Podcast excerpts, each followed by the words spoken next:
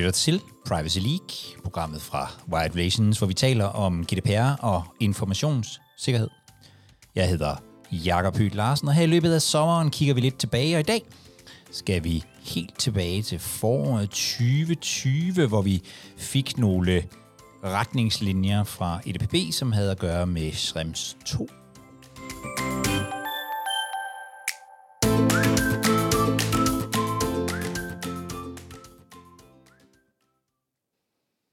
Og det, du skal lytte til nu, det er en optagelse fra forsommeren 2020, hvor vi lige havde fået de her seks trin retningslinjerne fra EDPB i forbindelse med tredjelandsoverførsler. Og øh, der spurgte vi fire mennesker. Ole Kelsen fra Microsoft, Max Gersvang fra GSN Federspil, Lene Kram Skjoldager her fra Wired Relations og Henning Mortensen fra Rådet for Digital Sikkerhed om, hvordan de her retningslinjer de skulle tolkes, og hvordan man i øvrigt skulle se på dem. Og det tænker jeg godt, at vi kan blive øh, klogere af og, og vende tilbage til. Noget af det har vi måske ændret opfattelse af, og andet kan give nogle gode retningslinjer for fremtiden. God fornøjelse. Velkommen til alle sammen. Kan jeg høre jer? Yes. Jeg kan høre nogen af. Ja. så langt, så godt. Øh, og det første, jeg tænker, vi skal, det første, jeg tænker, vi skal snakke om, det er i virkeligheden sådan lidt med, hvor står vi nu? Der er jo sket en, en, en farlig masse. Og jeg, først, jeg tænker, jeg først vil gå til dig, Max, fordi jeg ved, at du har lidt en, en pointe, som går på, at vi måske i alt det her hej, der har været med anbefalinger og meget andet, har, om man så må sige, glemt lidt, hvad det egentlig var, dommerne sagde i øh, EU-domstolen. Så kunne du, kunne, du, kunne du give sådan en indflyvning på, hvor, hvor det, hvad det egentlig er, der er udgangspunktet for, for, for alt det her? Ja, jeg, jeg tror, hvis, hvis, hvis, hvis jeg sådan skal starte, jeg, jeg, jeg husker meget tydeligt, da, da afgørelsen den kom, der var, var, var vi på sommerferie i Hamburg, hvor, hvor jeg så ser, at øh, der er kommet afgørelsen, hvor der står øh, på tysk, at nu kan, kan Facebook ikke længere overføre data til USA. Ja, og det er sådan meget bombastisk, og, og jeg synes, den, den her den diskussion, der har udviklet sig på baggrund af domstolens øh, afgørelse, har, har været sådan en del i to lejre. Sådan evangelisterne, som siger, at alt data skal blive inden for Europa, og sådan læser de afgørelsen. Og så har vi øh, øh, de andre øh, på, på, den, på den mere forretningsorienterede front, som siger, jamen øh, vi kan stadigvæk overføre data øh, til USA. Det er ikke det, dommen er udtryk for. Og det, det er jo det, i hvert fald den side, jeg står på, skal, skal jeg skynde mig at sige, at bekende kulør øh, det, det, det, det, der er rigtig vigtigt, når man læser dommen, øh, det er jo en principiel afgørelse, som, som siger, øh, der, der er to væsentlige ting, ja, der er fire væsentlige ting, men, men to hovedpointer i hvert fald. Den, den siger for det første, det, det instrument, vi brugte tidligere til overførsel, til sikker overførsel, det vi kalder privacy shield, det sagde man, det var simpelthen som overførselsgrundlag eller som værktøj, det var ikke godt nok. Af flere forskellige årsager, blandt andet øh, de amerikanske myndigheders adgang til data, øh, hvor man siger, at det er simpelthen ikke nok. Øh, det domstolen så siger, det er, at man kan stadigvæk bruge vores modelkontrakter eller, eller SCC'erne, så frem og så i fald, at man sikrer en nogenlunde enssvarende rettigheder, som, som man har inden for Europa. Altså med andre ord, rettighederne skal i et vist omfang rejse med dataene ud, ud i verden. Og, og, og når de kommer med den besked, så er det også vigtigt øh, at, at, at læse afgørelsen på den måde at sige, der står ikke, at det er forbudt at sende data til USA. Det står, der står ikke, at det er forbudt at sende data ud af EUS. Øh, det er meget, meget vigtigt, fordi det, det bliver meget hurtigt til, øh, nogen øh, går ud og siger, jamen prøv, nu skal vi beholde alt data inden for, for EU eller EUS. Det er ikke det, dommen er udtryk for. Øh, og det, det er nok også højst sandsynligt på baggrund af de øh, halvbombastiske udmeldinger, der kom fra vores europæiske datamyndigheder, EDPB, med hvad der skulle til. Når man læste en vejledning, så sad man tilbage med, med en oplevelse, hvordan gør vi det? Det er jo stort set umuligt. Øhm, og og, og det, det, det, det er jo ikke det, der har været meningen med afgørelsen, men det er jo, og det er jo ikke det, dommerne siger. Øh, men, men det er bare lidt det, den udvikling, der er sket. Og nu, nu indleder, indleder du med at sige, at I havde en tro på, at, at, øh, at, at vi har haft en vejledning for EDPB. Det vil jeg helst øh, skubbe til en gang i 2030, hvis det er muligt.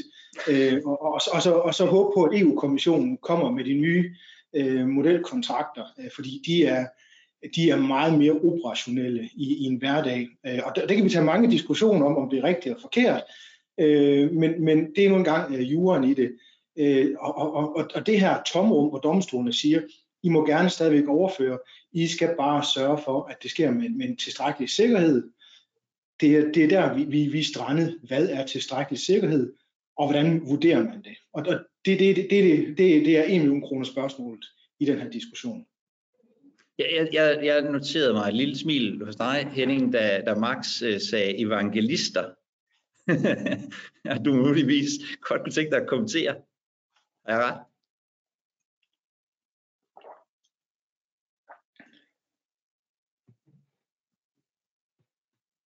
Jeg har, jeg har ikke rigtig lyd på dig. Øh, øh.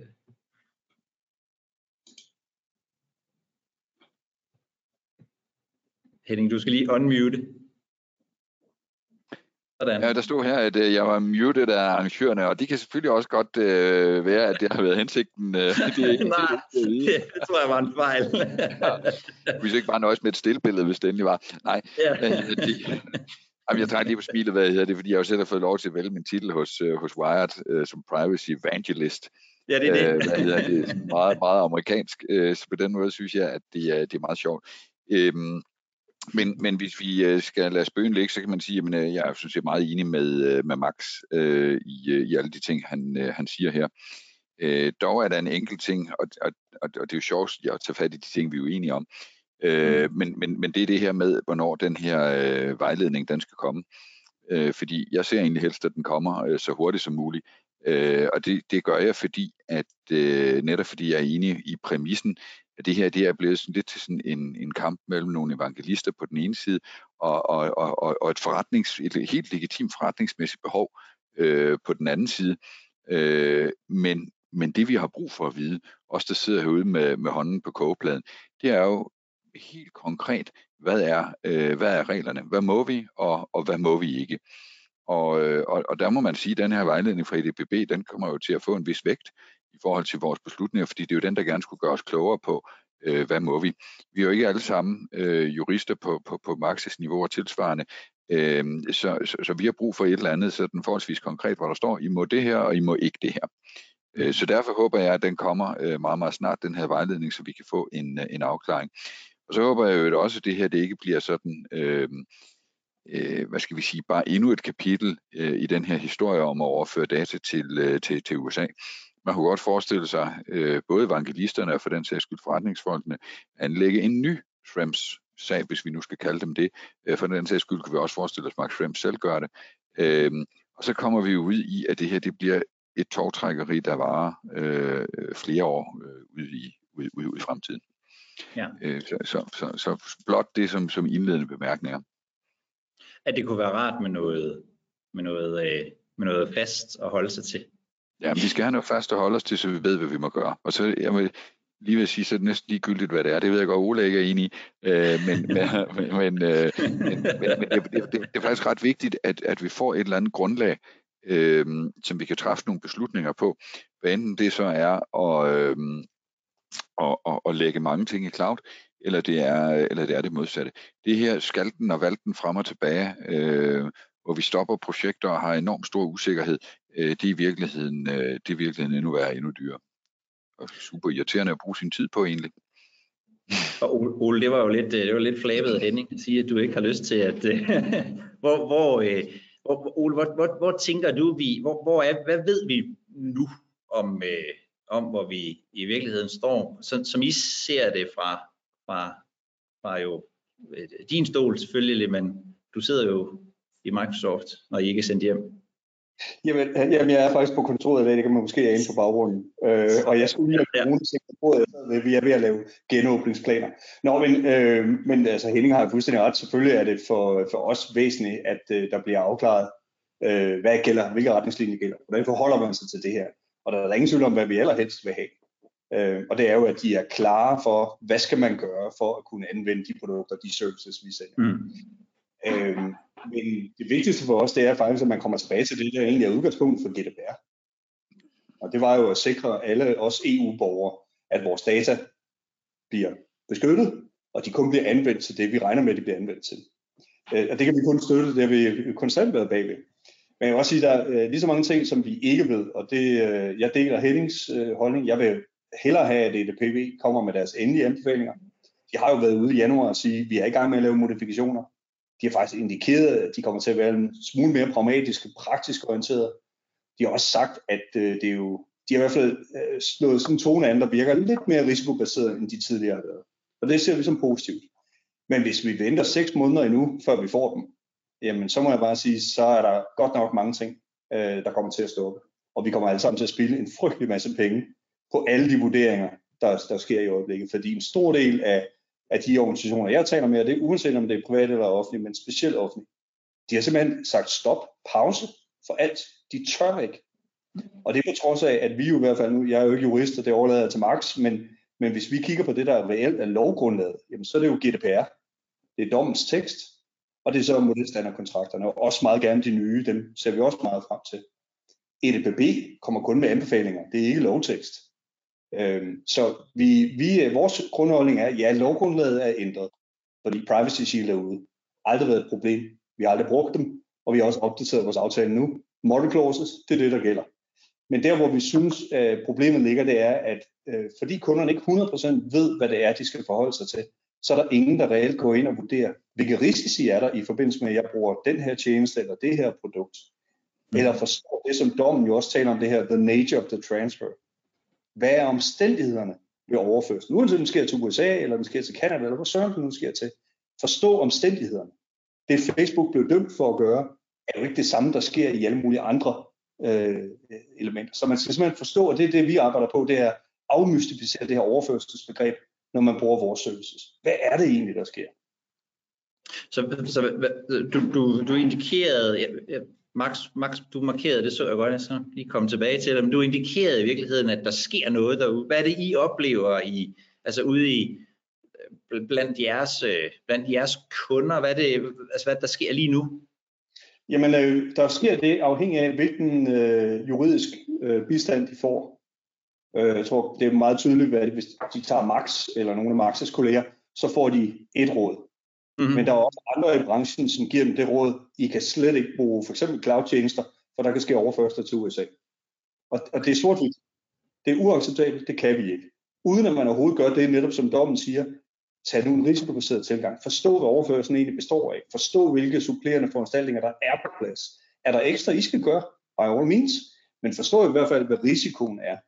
Og der kan vi altså se, at en stor del af vores kunder får rådgivning fra advokater og andre, som gør dem altså fuldstændig paralyseret. Okay, så simpelthen stopper projekter og udvikling. Ja. Og så er nogen, som siger, oh, jamen, jeg har jo brugt cloud i fem år, det må jeg hellere rulle tilbage. Og det, ja. for det er alt for tidligt at tage den betragtning, plus at, at det er på et utroligt tyndt grundlag. Det er baseret på nogle øh, følelser. Altså man kan faktisk sige, at det her er meget følelsesorienteret. Det er jo også blevet stor politik. Kan man, så, kan, man, kan man stole på amerikanerne? Er de vores mm. venner, eller har vi overhovedet venner? Eller skal det Jeg tror mig, alle, alle konspirationsteorierne, og ja, nu, det er jo også vigtigt at sige, vi er jo heller ikke glade for den amerikanske overvågningslovgivning. Altså, Nej. vi har for reformer af det her i mange, mange år. Øh, men, men det er altså ikke den største risiko, de fleste af vores kunder de står overfor. Er det også, øh, er det også din oplevelse, Lene, og så skal du nok få lov, Max, at, øh, at tingene ligesom stopper ude i, i, i blandt øh, dem, der sidder og arbejder med det her i, i, i praksis, at tingene ligesom går i stå? Ja, ja, det vil jeg nok sige. Øh, altså jeg synes jo, for det første, der tilbage i juli, øh, der var der jo virkelig sådan en... Øh, panikstemning. Øh, og, og når jeg så på min daværende arbejdsplads sagde, øh, træk nu lige vejret, og lad os lige se, hvad der sker, øh, som den nordjyde jeg nu er, øh, så blev de nærmest endnu mere blege. Øh, og, og det gør jo så også, som Ole siger, at, at mange øh, går til advokatfirmaer og andre og, og bruger en masse penge på noget, som i virkeligheden ikke rigtig er afklaret endnu. Øhm, og og det, det synes jeg er rigtig ærgerligt. Altså, der er jo selvfølgelig nogle ting, man kan gøre sig klart, øhm, men, men jeg synes også, at, at man skal øh, man skal selvfølgelig ansvarlighed, det står der i databeskyttelsesforordningen, så det skal man selvfølgelig tage alvorligt. Og der er jo også nogle ting, man allerede nu kan klarlægge. Altså, man kan jo kortlægge, hvor man overhovedet har tredjelandsoverførsler for det første. Øh, det step kan du jo godt gå igennem. Øh, du kan jo også overveje, hvad du har af overførselsgrundlag. Øh, og så når man til det der med tredjelandets lovgivning, og der kan man sige, der er der nogle lande, det er rigtig, rigtig nemt i overvågning. USA, Kina og Rusland, der, der kan selv jeg være med. Men, men der kan jo selvfølgelig også være andre lande, øh, hvor, hvor det er lidt mere tvivlsomt. Men når man så kommer til det her med de supplerende sikkerhedsforanstaltninger, øh, så er jeg Max, også lidt uenig med dig. Jeg ser sådan set også gerne, de kommer, og specielt fordi øh, jeg har faktisk været inde og kigge lidt i de her forskellige høringssvar.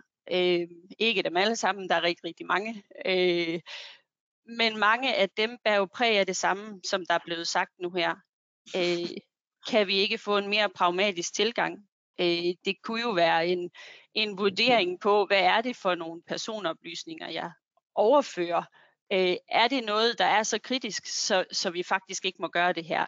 Øh, det synes jeg er, er meget af det, der bliver lagt op til. Øh, og det synes jeg sådan set, at det er, er positivt. Så, så jeg sidder også og klapper i mine små hænder og håber. Og jeg kan jo se, jeg havde, jeg har opdateret deres øh, hjemmeside, fordi øh, jeg kan jo se på referatet fra EDPB's møde her i marts, at de har haft op at vende for at se, hvor status var henne, men referatet nåede desværre ikke at komme inden vores møde nu.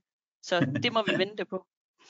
Så Max, hvad er det for et, øh, hvad er det så for et, øh, et råd, man får? Øh, jeg kan jo forstå, at man skal gå til dig, hvis man gerne vil, man gerne vil fortsætte med at overføre data. Jo, men, men ja, okay. det være selvfølgelig. Ej, jamen, jeg, jeg, vil godt lige, det, det her med, med, med LPB, jeg vil godt lige knytte en, en lille kommentar til det, for jeg, jeg, jeg, tror, jeg tror, at mine medpanelister har, har lidt for stor tiltro til, til myndighederne på, på det her punkt. Øh, jeg tror ikke, at LPB kommer til at flytte sig så meget, som man gerne vil have. Det kan man blandt andet se af, af, af de kommentarer, der er kommet i forhold til øh, kommissionens øh, udkast til, til nye øh, modelkontrakter, øh, som jeg egentlig synes, hvis man prøver at læse dem, som egentlig udgør det her balancerede, den her balancerede tilgang til det. Øh, og, og hvis EDPB og, og EDPS har problemer med den tilgang, så, så starter vi fra et meget dårligt sted, og det er måske lidt kæk at sige 2030, øh, men, men det, det man skal være opmærksom på, det er, at EU-kommissionen kan jo faktisk udstede bindende retsakter. Det kan EDPB ikke, de kan vejlede. Øh, så, så derfor så vil det for, for virksomhederne om at gøre øh, være, være øh, på den korte bane være, være det, det mest optimale, hvis vi fik de her nye SCC'er, øh, fik dem færdiggjort og kom i gang. Og, og så, har, så, så er min opfattelse bare, at, at vi, vi står med en situation, hvor domstolene har overladt en reel politisk beslutningstagning til nogle myndigheder, som ikke har magten til at træffe beslutningerne. Fordi det her det er, jo, det er jo en fundamental diskussion øh, om, om hele vores øh, digitale økosystem. Altså, som, som Ole han siger, øh, amerikanerne er jo ikke, øh, selvfølgelig kan vi ikke lide deres overvågningslovgivning, nej, men man kan jo stille samme spørgsmål til vores egen hjemlige overvågningslovgivning. Øh, og, og, og hvis, hvis de ikke kan få data i USA, så kan vi vel bare banke på nede ved Christiansborg, og så få dem der, og så videre. Og det, man kan spænde en masse bemærkninger om, omkring det. Øh, summa summarum, jeg synes, det man skal fokusere på, og det er også det, jeg vil ønske, at EDPB fokuserer meget mere på, det er, hvor får datasubjektet den bedste beskyttelse? Øh, og jeg synes, nu, jeg synes det, det ryger ud af ligningen i mange af de her diskussioner. Øh, og jeg synes, det er interessant at se, når du læser SSC'erne, de momenter, de selv ligger til grund, som er hardcore baseret på risikovurderinger og sandsynlighed for myndighedsindgreb. Øh, og, og, og det har jeg bare endnu til gode at se i DPB mestre. Og, og det er heller ikke nogen hemmelighed, at der er jo en, en, en, en, en stigende kritik af EDPB, i forhold til, at de på nogle punkter går ud over deres mandat. Altså de for, fortolker øh, og vejleder, det skal de, men de kan ikke lovgive. Og det har de altså gjort i en, i en række tilfælde, hvor, hvor man siger, det er, er ikke det, de er sat i verden for. Og det, det, det, i det lys, I skal se mine bemærkninger omkring 2030. Øhm, mm-hmm. Så, så det, øh, det, det, det er sådan, det skal ses for mit vedkommende i hvert fald. Så du vil også gerne have klarhed?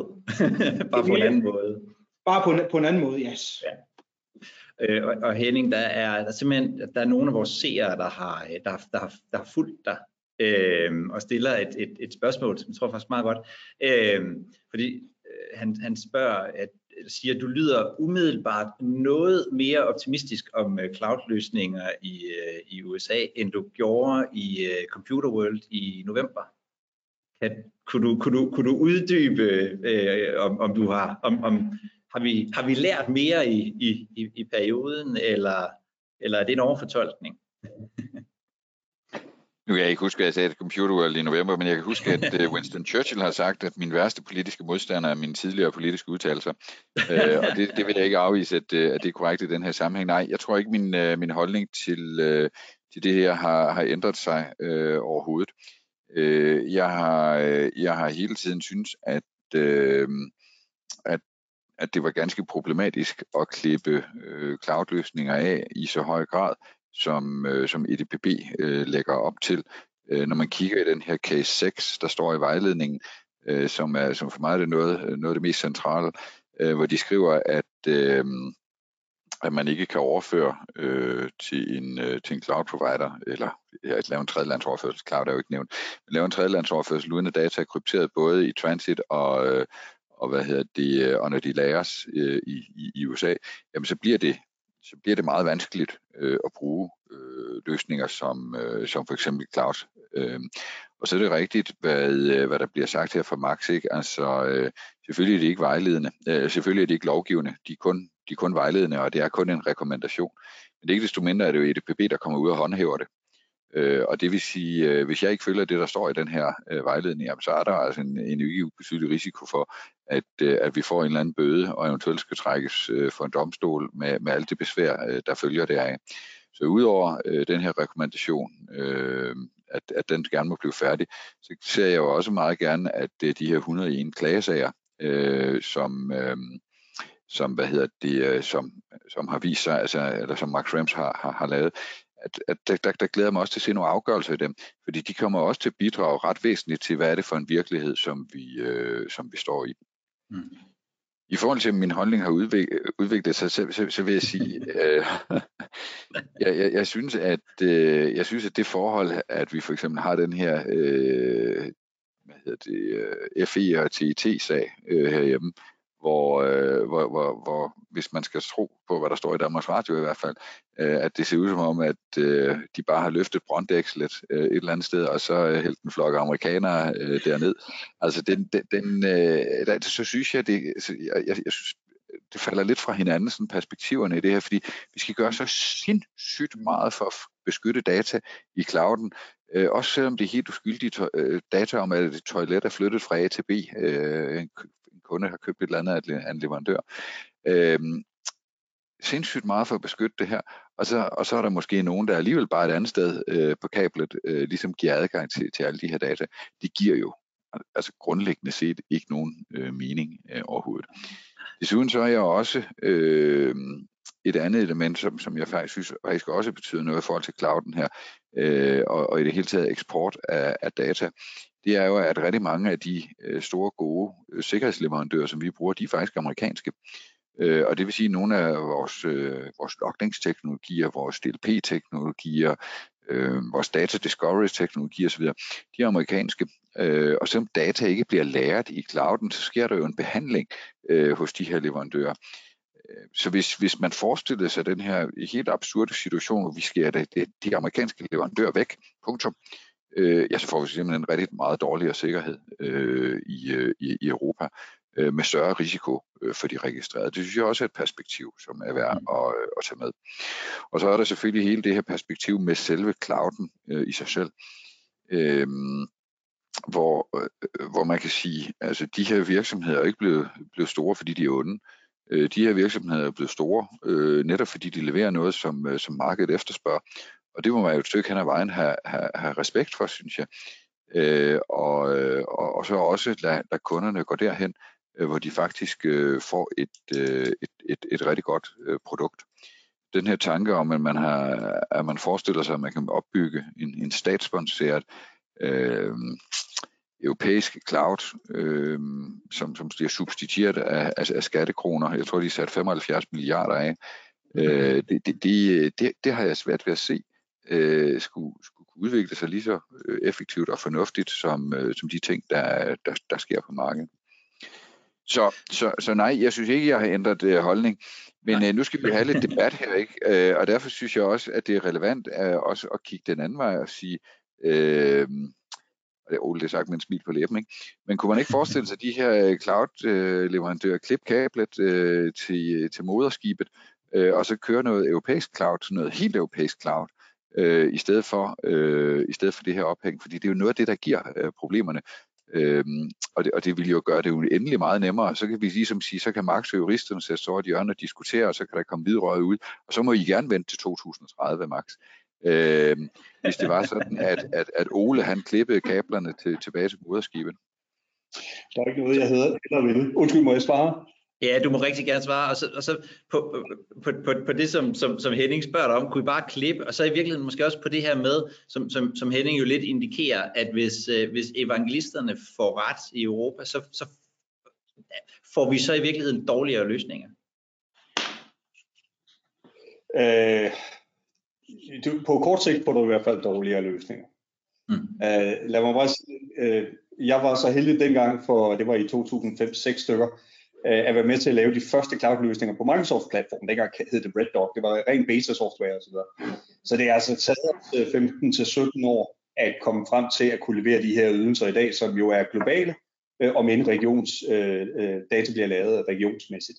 Så jeg vil sige, det er ikke en enkelt ting at bygge sådan en platform op. Øh, det er ret hæftige investeringer. Altså vi har jo brugt på den anden side af 100 milliarder dollar på at etablere os i, øh, i Europa nu med, jeg tror det er 26 datacenter, vi har, og vi har annonceret 18 yderligere over de næste par år. Så vi investerer ret hæftigt i den her region. Kan man selv bygge det op statssponsoreret? Jamen man kan jo alt øh, statssponsoreret. Det er der ingen tvivl om. Øh, hvornår vil det være på plads? Hvornår vil det også kunne tilbyde både den, øh, den driftsstabilitet, de services, den innovation? Jamen øh, altså er man dygtig nok, så kan man gøre alt. Øh, til spørgsmålet om, om kunne vi klippe kabel? Det kunne vi. Man kan sagtens forestille sig, at vi klippede kabel. Det vil bare betyde en funktionsnedsættelse dag 1. Fordi vores cloud er bygget op netop igennem de sidste 15-17 år, øh, baseret på, hvad er egentlig reguleringsregimet, altså hvad er det for en regulering, vi skal leve op til. Og man må sige, det her med, hvis nu vi ikke måtte lave overførsler til, øh, til USA, der fastholder vi, lovgivningen er, som Marx sagde fra start af, du ret klar, det kan du under nogle forudsætninger. Så vi har jo selvfølgelig bygget vores infrastruktur op velvidende. Det er den regulering, vi skal leve op til. Hvis reguleringen siger noget andet, så skal vi til at ændre på vores øh, driftsmodel. Kan vi det? Helt sikkert. Der er ingen tvivl. Selvfølgelig har vi en plan. Jeg vil tillade mig at kalde den plan C eller plan D, for at øh, hvis det skulle blive tilfældet. Jeg forestiller mig ikke, at vi afskriver vores øh, investering i Europa for at sige, at det kan I selv sejle med. Øh, det kunne vi skulle sælge dem til, øh, til tyskerne, øh, alle de øh, datacenter, vi har. Men, men øh, jeg forestiller mig ikke på den korte bane, at det vil være nogen holdbar løsning. Det vil kræve enorme ændringer i vores driftsmodel. Og når jeg siger det, så er det fordi mange af de øh, kompetencer, vi har brug for, for at kunne håndtere alle de eventualiteter, der kan ske, nogle fuldstændig øh, utænkte scenarier, pludselig opstår der et problem, og det er kun to mennesker i verden, der kan løse det, men de sidder altså ikke i Europa. Vi kan simpelthen ikke have alle de her kompetencer tilgængelige i alle de regioner. Vi har over 60 regioner i verden. Vi kan ikke have den, øh, de spidseste kompetencer på alt siden klar i alle regioner. Så kunne vi flyve dem ind, kan man sige. Så bliver det en dyrere løsning. Så alt kan lade sig gøre for penge. øh, og jeg har også, jeg har sågar hørt kunder, det, det må I gerne citere mig for. Jeg nævner ikke nogen navne, men jeg har kunder, som siger til mig, at jeg vil gerne betale 10%, 12% ekstra, hvis du kan garantere mig, at der intet sker uden for EU. Det synes jeg, der er, hvorfor skal vi betale for noget mere, fordi der er, undskyld mig igen, en tænkt risiko. Så, så, øhm, så hvis vi sådan øh, begynder, mange, jeg ved, at mange af dem, der, der, der kigger på i dag, er, øh, er, er praktikere, ligesom, øh, øh, øh, ligesom du også er, Henning, sidder i den der, øh, den der type øh, position. Hvad, hvad, hvad tænker I, øh, vi, kan, vi kan starte med dig hen, hvad, hvad, hvad er, hvad skal, hvad skal praktikere gøre nu? Altså hvad, hvad, hvad er lige her i øh, marts måned øh, 2021, hvad skal, hvad skal praktikerne gøre? Og, og inden du svarer, så, så, så tænker vi kan lige tage sådan en, en, øh, en stikprøve føler på, hvad folk egentlig gør derude. Så jeg, jeg, jeg launcher lige sådan en, øh, sådan en lille spørge en, hvor jeg bare spørger, hvad, hvad de gør i øh, de forskellige virksomheder. Øh, og så kan vi, får vi måske et svar på et eller andet tidspunkt. Men, men, men hvad, hvad synes du, man skal, hvad synes du, man skal gøre, øh, Henning? Jamen, jeg, jeg synes bare, at Lene sagde det meget, meget præcist, øh, det man skal gøre. Altså, der er jo i øh, rekommendation 01-2020 øh, sådan en øh, sekstrins model, øh, som, de, øh, som de lægger op til, man skal følge, når man skal have den her kortlægning på, på plads. Og det kan jo også være, at det var den, jeg vil være, være citeret for der tilbage i november, for det var der, der den kom. Øh, hvad hedder det, og, og den har jeg selvfølgelig citeret ordret. Og de første to trin, øh, det er at kortlægge, hvad er det for nogle tredjelandsoverførsler, vi har, vi har gang i. Øh, det skal man selvfølgelig gøre, altså hvor, hvor, hvor ryger øh, de her personoplysninger hen. Og som det næste, øh, kortlægge det retlige grundlag, som overførselen øh, baseres på. Øh, og der vil man sikkert finde nogen, der bruger Privacy Shield, og hvis man gør det, øh, så skal de selvfølgelig helst ned ad brættet, enten ved at overgå til kommissionens øh, standardkontrakter, eller også til, at man finder nogle øh, alternativer. Tilbage står der så selvfølgelig dem, der bruger standardkontrakterne, og det, dem er man jo nødt til at forholde sig til. Øh, men der vil jeg, selvom jeg ikke har boet i Nordjylland, så vil jeg bestemt også slå koldt vand i blodet. Altså, øh, vi begynder ikke at rulle for eksempel Microsofts løsninger tilbage på nuværende tidspunkt øh, på nogen måde. Øh, men vi stopper nok med at, at igangsætte nye projekter, øh, i hvert fald nye større projekter, øh, der involverer clouden, indtil vi har den her øh, afklaring. Mm. Øh, og det vil så sige, at øh, om en måned eller to, det sagde jeg godt nok også for en eller to måneder siden. Øh, men lad os nu håbe på, at vi får ret den gang. Om en måned eller to, øh, der har vi forhåbentlig den her rekommandation 01 øh, 2020. Og så bliver det klarere øh, for os, øh, hvad vi må. Og, og, og det er faktisk det, der er det aller værste, der kan ske, det er, at der kommer en 01 2020 ud, som er uklar. Altså som er et eller andet øh, politisk kompromis, på at få alle mulige ender til at mødes, så vi ender i en eller anden situation, hvor det kun er Max, der tjener penge på det, øh, ved, ved at vejlede os. Ikke? Altså det, det, det, det, ville, det ville simpelthen være skidt. Øh, så vi vil gerne have en rekommendation 01 2020 her om en måneds tid, øh, og gerne før, øh, som, er, som er forholdsvis klar og præcis øh, i forhold til, hvad er det så, vi skal gøre. Så må vi se, hvad der står i den. Men selv når vi har den, så kunne det godt være, at man lige skulle vente fem minutter til, og så vente til, at der er truffet afgørelse i, i en enkelt eller to eller en håndfuld af de her øh, 101 klagesager. Så vi har mm. noget, noget praksis øh, at basere sig øh, også på også. Øh, og vi skal også lige høre på, hvad vil øh, Max Schrems gøre, når han ser den her vejledning, og ikke mindst, hvad vil Microsoft, Amazon osv. gøre. Forestiller man sig, at, at 01 2020, men det kan være, at Ole kan svare på det, det tror jeg ikke, han vil. Men, men, øh, men 01 2020, hvis den kommer, og den er lige så stram i, øh, i fortolkningen som, øh, som den oprindelige udgave, er det så noget, man kan forestille sig, at nogle af de store softwareprovidere vil, vil have et ønske om at udfordre ved domstolen? Øh, at man simpelthen mener, at, øh, at den går for vidt, og hvis de gør det, så er det så, vi ender i det her limbo igen øh, i, i flere år. Nå, men det korte svar på det spørgsmål, det er, løb de to første punkter fra, fra 01 2020 igennem, og så slå mm. koldt vand i blodet og vente på, at vi har øh, en endetekst. Der taler du simpelthen til, uh, til uh, preaching to the choir, det ved jeg ikke lige, hvad det hedder på dansk, men, men, uh, men 46, uh, 46, næsten 50 procent af dem, der sidder derude, de afventer yderligere information fra uh, EDPP og andre myndigheder. Uh, så er det er jo der, fornuftige mennesker, der er til stede her. Det, det er jo det.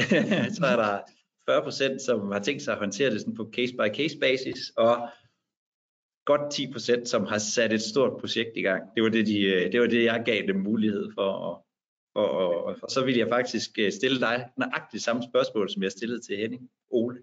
Nå, undskyld. Jeg vil jo bare sige, en vigtig detalje er jo, at mens man venter, kan man jo netop gøre, som Lene øh, påpegede, og som Henning også lige har sagt. Altså, der er jo ting, vi kan gøre nu. Du kan ikke bare sætte dig på hænderne og vente. Nej. Gå nu i gang med at lave dine risikovurderinger, forstå dine databehandleraftaler, forstå hvilke overførsler det er, der kan ske, og hvad er omstændighederne omkring dem. Så du ja. er klar med den dokumentation, og så ved, okay, fordi det er A, så skal vi gøre B. Um, så det, det er absolut det vigtigste, jeg synes, man kan gøre derude nu. Og jeg må så også sige, at på trods af, at uh, der jo egentlig er god vejledning omkring det at lave en risikovurdering, så er det forsvindende få af de kunder, jeg er ude hos, som uh, har prøvet det. Mm-hmm. Og det er skræmmende, for det er jo ikke nyt. Det har vi skulle i mange, mange år. Og når vi taler øh, konsekvensvurdering, eller konsekvensanalyse, så står det endnu værre til. Så der er sådan nogle opgaver, man sagtens kan tage fat i nu, og dem skal du lave uanset, hvordan EDPB falder ud. Ja. Så, som, som handler om de to, de to første steps i den her anbefaling. For, for styr ja. på og, og der har du så mulighed for, øh, vi, vi mener jo, eller jeg mener, øh, nej, vi mener jo helt klart, at man kan faktisk også godt begynde at vurdere nogle af de her supplementary measures. Okay. Fordi øh, skal huske, det er, når EDP, EDPB har, og også dom, øh, domstolen, når de taler om supplementary measures, så taler de jo om øh, noget ovenpå model clauses. Men de jurister, mm-hmm. de har jo en chance for at vide, hvad er egentlig en sikkerhedsforanstaltning, organisatorisk eller teknisk. Øh, så når EPB kommer med nogle supplementary measures, så er det altså, undskyld mig, men begrænset af deres juridiske hoveder, som ikke ved, hvordan man sikrer IT-infrastruktur, øh, sikrer arkitektur. Der er mange ting, man kan gøre, og det lyder jo øh, besnærende. Bare kryptere det hele. Mm-hmm. Men i praksis er det altså bare ikke så enkelt. Det har en omkostning, der er noget kompleksitet, der er også nogle nye risici, og frem for alt, så vil der også uanset hvad, være noget funktionsnedsættelse, hvis man bare krypterer alt, fordi det siger de, man skal. Og, og jeg savner stadigvæk det gode argument for, hvorfor er det, hvis de eneste data, der bliver overført til USA, jeg siger ikke det er tilfældet, men i nogle tilfælde er det jo et navn eller en IP-adresse, måske endda pseudonymiseret. Hvorfor er det lige, at de data skal krypteres, inden de sendes til USA? Hvad er det, der sker, fordi mit navn falder i hænderne på nogen i det amerikanske efterretningstjeneste? De skal selvfølgelig ikke have det, det er vi enige om.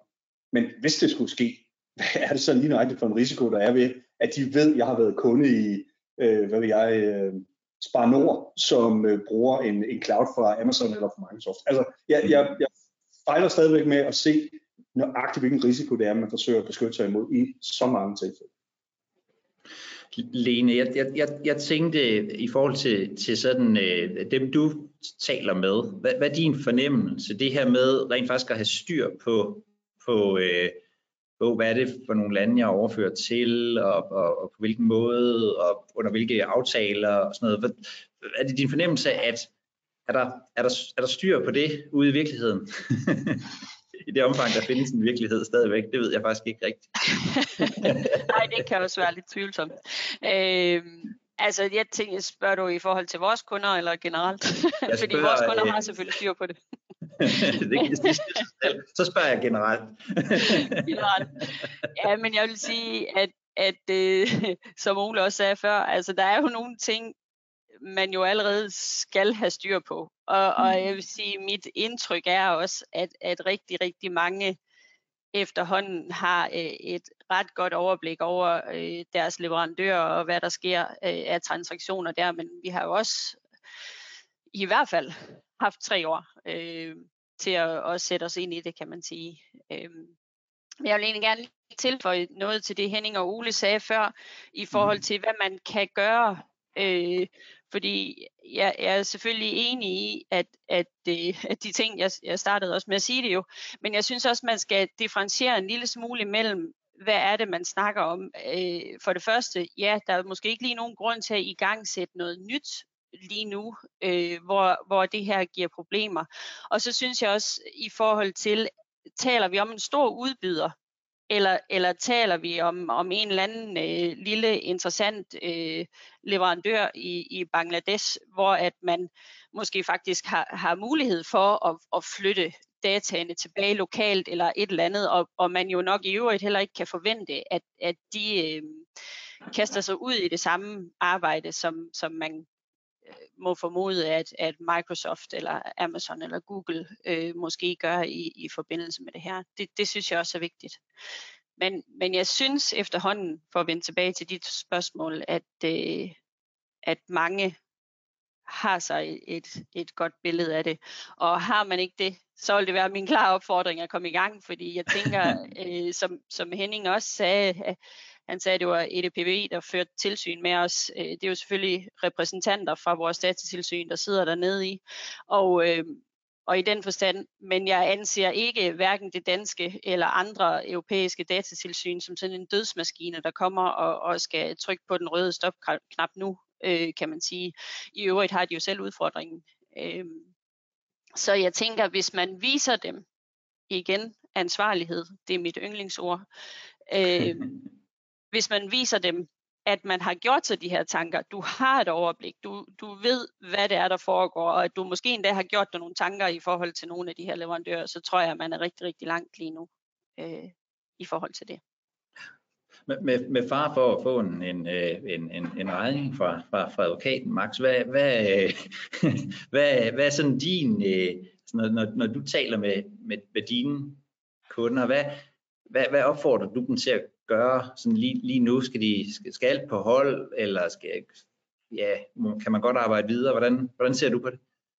Altså, øh, vores grund, grundholdning er, at, at når, når myndighederne ikke, ikke selv kan finde ud af det, så kan man ikke forvente, at, at, at, at virksomhederne kan, kan finde ud af det som, som sådan. Altså sagt sådan lidt firkantet.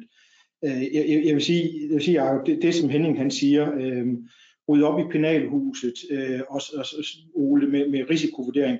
Altså finde ud af, hvor har du din overførsel hen, og det skal du under alle omstændigheder vide, hvis du har en fortegnelse, eller det skal du have. Øh, så der vil, der vil du vide det, øh, og så skal du kende dit overførselsgrundlag selvfølgelig. Øh, og når du har de to ting på plads, og sørger for, at der ikke står privacy shield nogen steder, øh, og de bliver skiftet ud med SCC'er, øh, eller bare en koblet ud for, hvor det er relevant, jamen så, så er der ikke så meget andet, du kan gøre, end, end i, øh, end, end egentlig at, at gå, gå i gang med at, at, at lave risikovurderinger stille og roligt. Øh, men, men kontraktuelt har du, har du nok svært ved at gøre meget mere andet end få sat bestemmelser ind i din, øh, i din aftaler omkring, at når de nye SCC'er foreligger, så skal parterne i, i god tro med hinanden få opdateret til nye standard øh, og, og, og, og anvende de øh, risikovurderingsmodeller, som måtte komme ud af det her. Øh, mm. fordi det ved vi jo stadigvæk heller ikke. Øh, så, så, så det, det er, så, så, som, som I alle sammen siger, få ryddet op, få lavet risikovurderinger, få øh, privacy shield smidt ud, øh, og, og, og, og, og, og så ellers afvente, hvad der sker. Og det, og det er også, altså, I, I skal være rigtig meget opmærksom på i forhold til, det kan godt være, at Datasynet har skrevet på deres øh, indsatsliste for i år, der står Svens 2, øh, men øh, man kan jo kun i Danmark få en bøde hjemme for straffelovens paragraf 1, hvis der er et klart lovgrundlag. Og der, hvis vi tager Svens 2, så bare høre på den her snak, det er langt fra klar. og det er ikke lige, jeg sidder og siger, at der, der er fri fart på, på motorvejene, øh, men, men jeg, jeg tror, det er ikke det her sted, vi vil se øh, datasynet tage bøde, bødeblokkene frem på nuværende tidspunkt. Øh, det, det de vil, hvis de skal gøre noget, der er effektivt, så er det gå at og kigge, om man har tilstrækkeligt med, med risikovurderinger og, og, og styr i sit eget penalhus. Det, det er der, de, de kan ramme os på, hvis man skal sige det helt firkantet og Okay. Ole og Henning øh, markeret, så du, du, du nåede først på, på uh, Ole med, med din. Jeg, jeg, jeg vil bare supplere, fordi øh, altså, øh, Max, det er jo, det er jo, du har fuldstændig ret. Øh, øh, datatilsynet, og jeg har hørt andre i din branche faktisk bruge det som, om ikke pression, så i hvert fald skabe frygt hos kunderne. Der står også på datatilsynets øh, strategiliste, at de vil kigge på tredjelandsoverførsler. Og det har jeg hørt advokater sige, det vil sige, at du må ikke have tredjelandsoverførsler. Mm. Og, det, og det, er jo, det er jo beskæmmende, at det her det er... Men jeg vil så også sige, at man faktisk kan finde en lille smule ekstra vejledning allerede i udkastet til de nye modelstandardkontrakter. Og der har de netop været inde og sige, jamen hvad er det, når du skal vurdere en overførsel? Hvad er så nogle af de dimensioner, du kan tage fat i? Frekvensen, omstændighederne, hvilke data er det? Er der nogle mekanismer, du allerede har opført de her overførsler? Øh, den slags er også væsentligt ved. Det er ikke bare, er det Indien, er det USA, er det Canada, eller hvad er det? Der er sandelig mange elementer, der indgår, når man skal vurdere en overførsel. Så, så der er noget, der kan bringe os skridtet videre, end vi kunne før 12. november, hvor de nye modelstandardkontrakter blev, blev fremlagt i glæde. En, en lille kommentar fra dig, Max, og så der, ja, du så reageret specifikt på det, jeg så... Ja. Ja, det, og det er bare lige at supplere dig, Ole, fordi netop det, man også kan, som, som, som øh, kontrakten siger, øh, udkast siger, og sandsynligheden for, at, at myndighederne vil bede om øh, oplysninger, og om du om det overhovedet har været udsat for det før. Så man, udover at man siger risiko, man går også ind og begynder at arbejde med sandsynligheder øh, i forhold til myndighedsindgriben, som synes jeg er meget interessant. Henning, du, øh, du, du markerede også. Ja, øh, tak for det. Øh, altså, jeg er jo ikke uenig med, med, med hverken Ole eller Max i, øh, i det her risikovurderingselement, øh, øh, at, det, at det kan komme til at spille en rolle. Øh, jeg vil bare sige, og man kan sådan set også godt gå i gang med det, det har det er jo ingen skade. Jeg synes bare, man skal ikke efterlades øh, med de indtryk, at, øh, at det er sådan, øh, sagerne står nu. Det ved vi først, når den næste, øh, altså når den endelige udgave øh, ligger. Hvis, vi var, hvis man øh, husker tilbage på generaladvokatens øh, udtalelse i Instrems 2, altså til, til domstolen, så var det jo en langt mere pragmatisk tilgang, generaladvokaten havde, øh, hvor der netop var nævnt øh, risikovurderinger Øh, det tog domstolen ikke til efterretning. Domstolen øh, ændrede i, i generaladvokatens indstilling, øh, så det, der står tilbage, det er de her øh, altså, øh, overførselens natur, omstændighederne omkring overførsel. Men jeg læser det ikke som, at der står risikovurdering i, øh, i, i dommen. Og, det, og Max, jeg er klar til at blive klogere, det ved du, det er jeg altid. Øh, men, men det er ikke det efter, indtryk, jeg sådan efterlades med. Så derfor så vil jeg sige, altså, ro på, vent nu den her måned. Der er gået et, et halvt år siden den, mere end et halvt år siden den her dom, øh, den, den faldt. Lad nu være med at, øh, at sætte himmel og hav i bevægelse. Forstyr på de her to første punkter, læn jer tilbage, vent den her måned, øh, til, vi, øh, øh, til, vi, til vi får den endelige udgave. Der kommer ikke til at ske noget i den mellemliggende tid. Der bliver ikke udstedt nogen bøder. Der bliver, et, der bliver næppe lavet tilsyn. Hvad skulle de lave tilsyn på, øh, når der ikke er en, øh, en, en, en, en vejledning? Det, det, det kommer til efteråret, øh, når, når, når, når den her øh, vejledning øh, ligger. Når det så er sagt, så er det altid en god idé at lave risikovurdering. Risikovurdering det er noget af det bedste til at beskytte personoplysninger på en professionel måde. Det er, og nu kommer der et reklameindslag. Øh, Rådet for Digital Sikkerhed har faktisk sammen med Datatilsyn lavet en vejledning til, øh, hvordan øh, man skal lave øh, de her risikovurderinger. Og et af værktøjerne det baseres faktisk på et, øh, et tool, som Rådet for Digital Sikkerhed lavede sammen med Erhvervsstyrelsen, øh, og som findes på øh, Sikker, øh, Sikker Digital. Og udover det, så har rådet også lige lavet en vejledning i konsekvensanalyser, øh, hvad hedder det, hvor, hvor blandt andet øh, Allan Frank øh, fra, fra Datatilsynet, men også både øh, nogen fra staten, og, altså den statslige sektor, og nogen fra, fra, øh, fra kommunerne og nogle store private virksomheder, har sat os sammen og prøvet at lave sådan en praktisk øh, tilgang. Og begge delene, de kan findes på rådets hjemmeside. Reklameindslag slut. Øh, I skal se det mere som, som, en, som en praktisk hjælp. Det koster gratis. Så, yes. Så det er øh, et, øh, et, et billigt produkt, vi der har. ja. Øhm, jeg, jeg, jeg, jeg vil tillade mig at, at, at, at, at tolke lidt på, Max, du, du, du så en lille smule skeptisk ud i forhold til det med, med uh, Henning sagde om risikovurderinger. ja, det, det, jeg vil bare lige, øh, ja, det, det skal ikke være en belæring, det skal bare være, altså, det, det, det er klart, at når du, når du laver en overførsel, så er det jo det, vi i GDPR kalder en behandling og, en, og enhver behandling skal være dækket af tilstrækkelig organisatorisk og teknisk sikkerhed. Og, og, og dermed ligger der også implicit, at man skal sørge for, at alle behandlingerne er tilstrækkeligt forsvarligt sikret. Øh, og og det, det som, som Ole også reciterede fra, fra SCC'erne, er jo bare udtryk for nogle øh, metoder, man kan lave en risikovurdering på.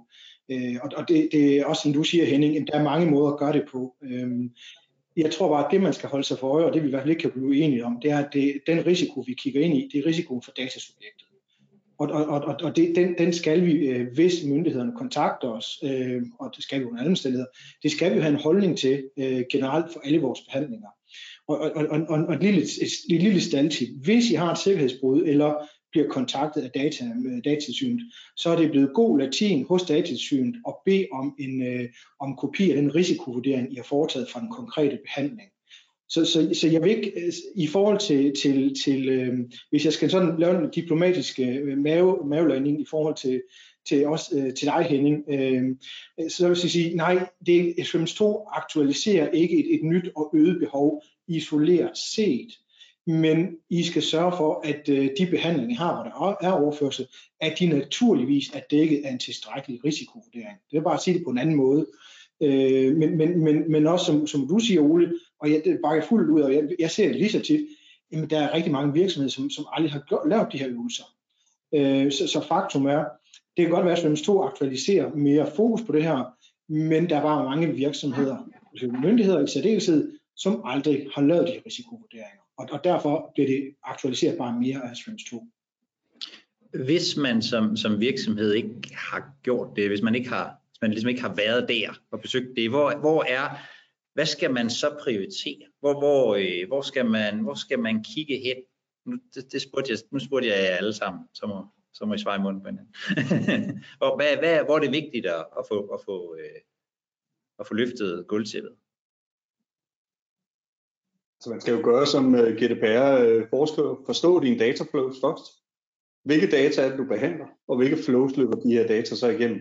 Og så skal du være, øh, det lyder åndssvagt, men du skal være kreativ og sige, okay, jamen, hvilke risici medfører de her dataflows så?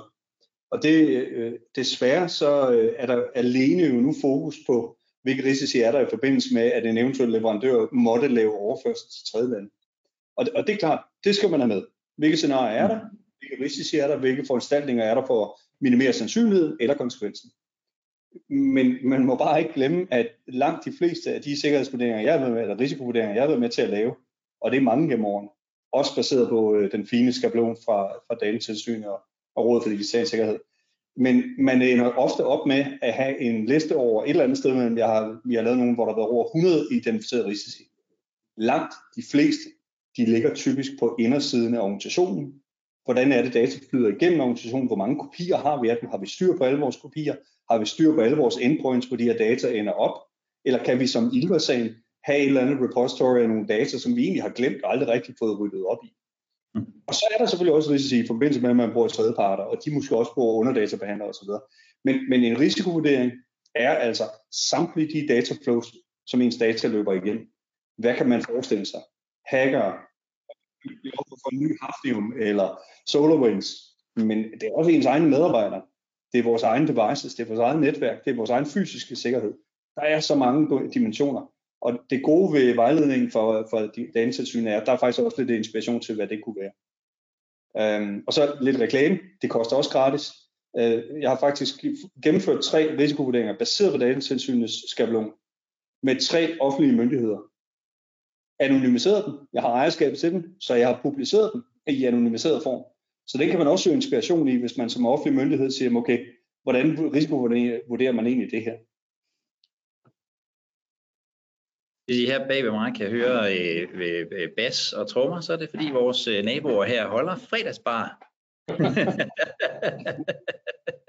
Men, ja, jeg vil lige, Lene, jeg tænker, at vi kan gå til dig også. Altså, øhm, hvordan, hvordan tænker du, man skal altså sådan helt øh, lavpraktisk skal gribe, skal gribe de her ting an ude i virkeligheden igen? Igen. Jamen, jeg siger bare det samme. Du siger bare jeg tror, samme. jeg skulle være blevet Igen. politiker. øh, nej, men, men øh, altså enig med Ole, og så vil jeg sige, når man, når man har det her overblik over sine dataflows, og så skal i gang med at lave de her risikovurderinger, så vil du jo også, øh, når du har overblikket over dine dataflows, ret hurtigt have et overblik over, hvor er det formentlig de største risici er øh, hvor er det, der er flest kritiske personoplysninger osv., ja, så er det selvfølgelig der, du starter øh, med at lave risikovurderinger øh, på de processer, øh, vil jeg sige. At så er det ligesom den vej, øh, man går igennem for at prioritere det og, og for at komme igennem det, øh, vil jeg sige. Der har altså øh, her i hvert fald i, i, øh, i, i, i nogle måneder har der været sådan den her øh, øh nærmest mytologiske øh, TIA, Transfer Impact Assessments. Øh, jeg tror, jeg har set den i, øh, i en 15-20 version, nej det ved jeg ikke, men, men i hvert fald på alle mulige forskellige øh, steder. Er det, er, det, er det løsningen at, at, at finde sådan en, en, en skabelon, og så, og så starte fra, så starte fra en ende af, og så, så holder øh, datatilsynet og alle andre sig, sig væk? Spørgsmålstegn. Altså hvis jeg må fortsætte. Der tog luft ind, kunne jeg høre herovre. Ja. ja, men det, og, og nu kan det være, at jeg kommer til at modsige alle de der tre herrer, og så må jeg jo så lære af det. Jeg er også åben for at lære. Øh, øh, men for mig er det nok næsten sådan lidt gået hen og blevet sådan lidt et bandeord. Øh, fordi jeg synes, det kan gå hen øh, og blive en sovepude. Øh, fordi man tænker, okay, jeg i gang sætter det her store arbejde. Jeg har faktisk ikke helt grebet om, hvad det skal opfylde, øh, fordi vi mangler lige nogle afklaringer. Øh, men jeg går i gang alligevel, fordi så har jeg da i hvert fald, så kan jeg da sige, at jeg har gjort et eller andet. Men et, øh, igen, jeg er nordjyde, øh, spildt arbejde, det er ikke for sjov øh, eller dobbeltarbejde, eller at du risikerer at komme til at lave det om. Øh, så, så jeg vil sige, øh, med far for at modsige jer andre, jeg er ikke umiddelbart fortaler for det. Igen, få, som Max så godt sagde, få orden i dit penalhus, få styr på det. Øh, og så øh, lad være med at løbe med på den der panikstrøm. øh, som, som jeg, jeg siger ikke, at på et eller andet tidspunkt, så skal vi måske nok til at lave dem, øh, og det ærger mig da også, at det ikke er mig, der har opfundet det udtryk, øh, taget ud fra, fra øh, vejledning. Men, men jeg synes bare, at det er for tidligt, og man risikerer at bruge en masse kræfter på noget, som i sidste ende er, er spildt arbejde. Hvad tænker du, Ole? Jamen, jeg er enig. Jeg beklager, Line. Jeg, jeg, jeg kan ikke gå i konflikt med dig. Øh, jeg, er jo, jamen, jeg er i den situation, at der er kunder, som kommer til mig og siger, at jeg skal lave en tiger. Kan du hjælpe mig? Øh, og det siger jeg jo ikke nej til. Men øh, ja, det, det kan de jo være glade for. Jeg er gratis. Men jeg gør det altid til en del af en helt almindelig risikovurdering. Mm. Overførsel er bare endnu en risiko. Ja. At lave et eller andet specielt omkring TIA, ja, det kan man godt, men hvad med alle de andre risici? Og er det virkelig den væsentligste risiko? Så jeg, jeg prøver altid at tale dem over og sige, lad os nu kigge på overførsler, men så er der altså en masse andre scenarier, vi også lige skal kigge på, for det er din risici og risiko for datasubjektet, der skal være i fokus. Du nikker, Max. Kan jeg se? Ja, jamen, jeg, jeg er fuldstændig enig. Jeg, jeg synes, øh, øh, for, for at være meget populist, det er en fis i en hornlygte. Altså, jeg, jeg kan simpelthen ikke se, hvad det bibringer yderligere øh, til, til processen. Og, og, og, og jeg kan frygte, at det tager, øh, det tager ressourcer fra, fra andre områder, som, som er mindst vigtigere. Altså cybersikkerhed, jamen, øh, skal vi sætte to ressourcer til at sidde og knokle øh, tiger igennem, hvor vi kan bruge ressourcerne bedre på andre områder. Øh, det, det, det, det giver mig ingenting at sige. De tiger, jeg har set, når man nu ved øh, og, og læser øh, både domstolens afgørelse, EDPB's vejledning, men også de nye udkast til SCC'er, så står der, at man skal vurdere modtagerlandets øh, retssikkerhedsgarantier for datasubjektet. Og det har jeg nu til gode at se nogle øh, tiger indeholde. Øhm, og, og vi har, vi har faktisk, og nu er det mig til at lave reklame, vi har faktisk her i, i firmaet sammen med en, en masse gode danske virksomheder øh, lavet et forsøg på at, at, at lave en, en øh, risikovurdering af et, øh, af et land, det vi er i gang med, øh, for simpelthen at, at prøve sammen med, med klienter for at se, hvad, hvad indebærer det her Øh, hvad koster det? Øh, og vi gør det jo selvfølgelig gratis.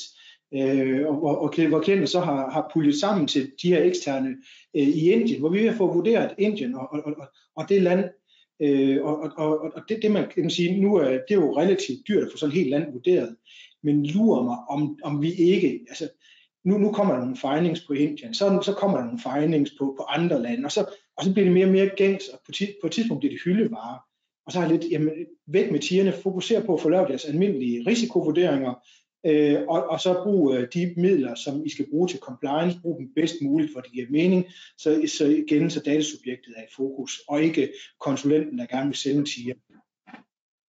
Og, og, og altså, fordi det, det, det tror jeg faktisk er noget af det, der er rigtig mange, der sidder med som, som tanke, det her. Hvad, hvad, hvad, hvad kræver det egentlig, altså hvad kræver det egentlig at, at analysere sådan et tredje land, altså fra en, fra, fra en juridisk øh, vinkel? Er det noget, man skal, kan man gøre det en gang, og så er Indien, som Indien nu er, eller afhænger det også af, hvad det er for nogle oplysninger? Altså, hvordan er hele det der, sådan tænker du fra den juridiske vinkel? Jeg, jeg, jeg tror, et meget godt eksempel, hvis man tager generaladvokatens øh, meddelelse i, i Svens 2, så kan vi jo se, at han, han har brugt rigtig lang tid på at vurdere det amerikanske, og, og endda nok ikke, ikke øh, i fuld tilstrækkelighed. Det skriver han jo også, Henrik Ø. Øhm, men, men, men altså, der, der er nogle ting, man går ind og kigger på. Det, det, hvis vi sådan skal være helt akademisk skruet tilbage, øh, GDPR er baseret på EU-charter for fundamentale rettigheder øh, som, som blev oprettet efter 2. verdenskrig, som giver os som, som borgere i EU nogle fundamentale rettigheder, retten til frihed, og at man ikke skal forskelsbehandles osv. osv. Og at man har retten til, til, til, til, til privatlivet, øh, og så er der i traktaten osv., at man har ret til, til øh, en ordentlig retssag osv.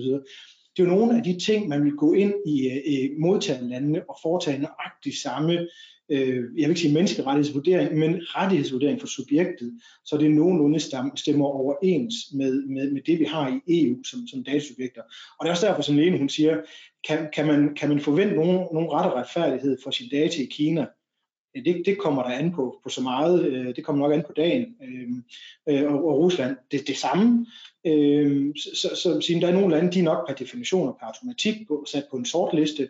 Øh, men, men, men der er også nogle lande, hvor det, hvor det som Indien, som bevæger sig imod GDPR øh, og, og gerne vil rigtig meget mere øh, persondata, jamen der bliver det nok nemmere, men ting ændrer sig hele tiden. Altså, der, hvem havde forestillet sig, at Trump kunne øh, blive, blive valgt, som også kunne have medført store ændringer øh, i, i, i, øh, i USA, og sådan kunne man forestille andre. Så, det, så det, er ikke, det er ikke statisk, men, men jeg tror, at mange af de her vurderinger af landene vil blive hyldevare op ad årene, øh, så, så det bliver nemmere at, at kigge på.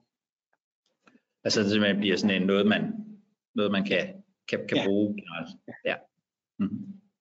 Øhm, Inden vi de tager øh, spørgsmål, jeg har jo lovet både panelet og dem, der sidder og kigger, at vi senest slutter til tid. Øh, så inden vi går over til, øh, til spørgsmål fra, fra, øh, fra, vores, øh, fra vores lyttere, nu kan I jo så begynde at, at, at stille dem. Der er allerede kommet nogen ind, kan jeg se. Øh, så hvis, hvis man skulle, altså hvis man i virkeligheden skulle lave sådan en øh, sådan firepunkts øh, øh, plan, så kan I få et øh, punkt med øh, hver. Hvad er det så, øh, hvad er det så for at skære det helt ud i pap, praktikeren skal gøre øh, lige nu her. Vi kan jo starte med, med dig, Henning. Så det, det er at gå ind og... ja. Jamen det er helt fint. Øh, jamen det er jo øh, at gå ind og kortlægge øh, din, øh, dine systemer, øh, så du ved, hvad du har. Øh, du ved, hvilke data der er i dem. Øh, du ved, om der sker en tredjelandsoverførsel eller ej. Og, og, og hvis der sker en tredjelandsoverførsel, så kortlægger du øh, det retlige grundlag øh, for det, og det skal selvfølgelig være et lovligt retligt grundlag. Det vil sige, der var der Privacy Shield, der skal der øh, sættes ind. Der var der kommissionens standardkontrakter, der skal man kigge på, øh, hvilke øh, supplerende foranstaltninger til de her øh, standardkontrakter skal der iværksættes for, at risikoen den er, den er nedbragt. Det er det, du kan gøre øh, lige her nu. Mm. Er der nogen, der har tilføjelser, eller er det øh, så nogenlunde der, hvor vi det vi synes? Ja. Oh, undskyld, Ole, du sige noget? Jeg, jeg, jeg tror, at tilføjelse til Henning, det, det er jo, noget, altså, man skal også kigge, hvad, hvad, hvad er output så af sin risikovurdering. Øh, fordi det kan jo godt være, at man, man siger, hov, jeg er en, en virksomhed, som spytter ufattelig meget følsomme øh, oplysninger. Jamen, hvad for nogle sikkerhedstiltag kan så allerede nu, uanset Schrems 2, hvad for nogle sikkerhedstiltag bør jeg have implementeret? Og, og, og hvad er min risiko i forhold til, øh, til eventuelle øh, nye vejledninger? Altså hvad er plan B, hvis, øh, hvis nu der kommer øh, en eller anden retning, som, som vi, ikke, vi ikke kender til? Øh, så, så vi kan nå at omstille os forretningsmæssigt. Øhm, så, så, så kig, husk, husk, tænk, husk tænk altid sikkerheden, den konkrete sikkerhed på den konkrete behandling ind, ind i billedet også. Okay. Ja. Jeg vil bare tilføje, at, øh, og det, jeg ved, det er meget kedeligt, men der er et begreb, der hedder governance.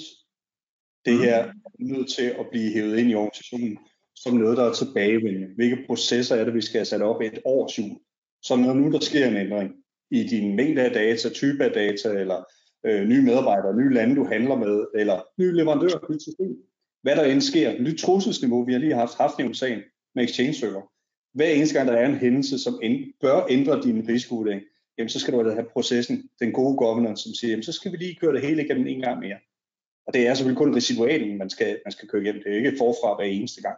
Og det er altså det, rigtig mange glemmer. Og en del af det er også at bare forstå sin databehandleraftale og lave tilsyn, som man jo skal med de databehandlere. Og det har tilsynet jo været meget øh, ops på, specielt over for et par kommuner sidste år.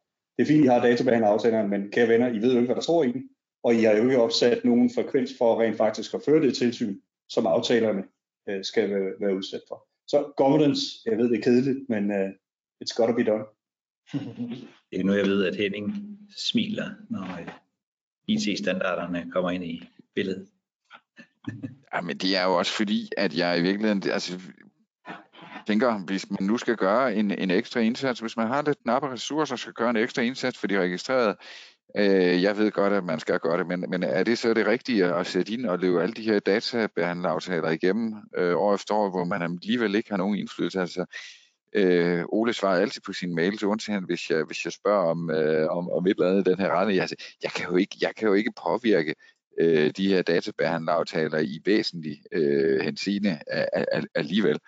Øh, så, så spørgsmålet er, om min, min tid ikke var givet bedre ud på at, at kigge på nogle flere øh, tekniske foranstaltninger øh, for at beskytte de, de, de registrerede. Nå, men det, det, det, det er bare mig.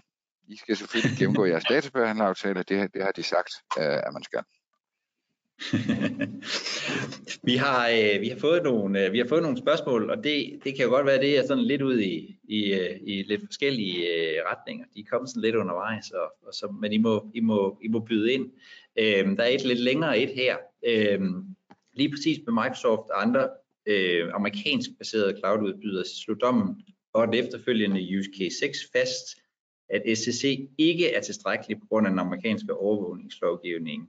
Så jeg forstår ikke, hvordan oplægsholderne blot taler om dataansvarlig og risikobaseret tilgang. Godt tænke mig at vide, om de mener, at udfordringen skal løses politisk eller teknologisk.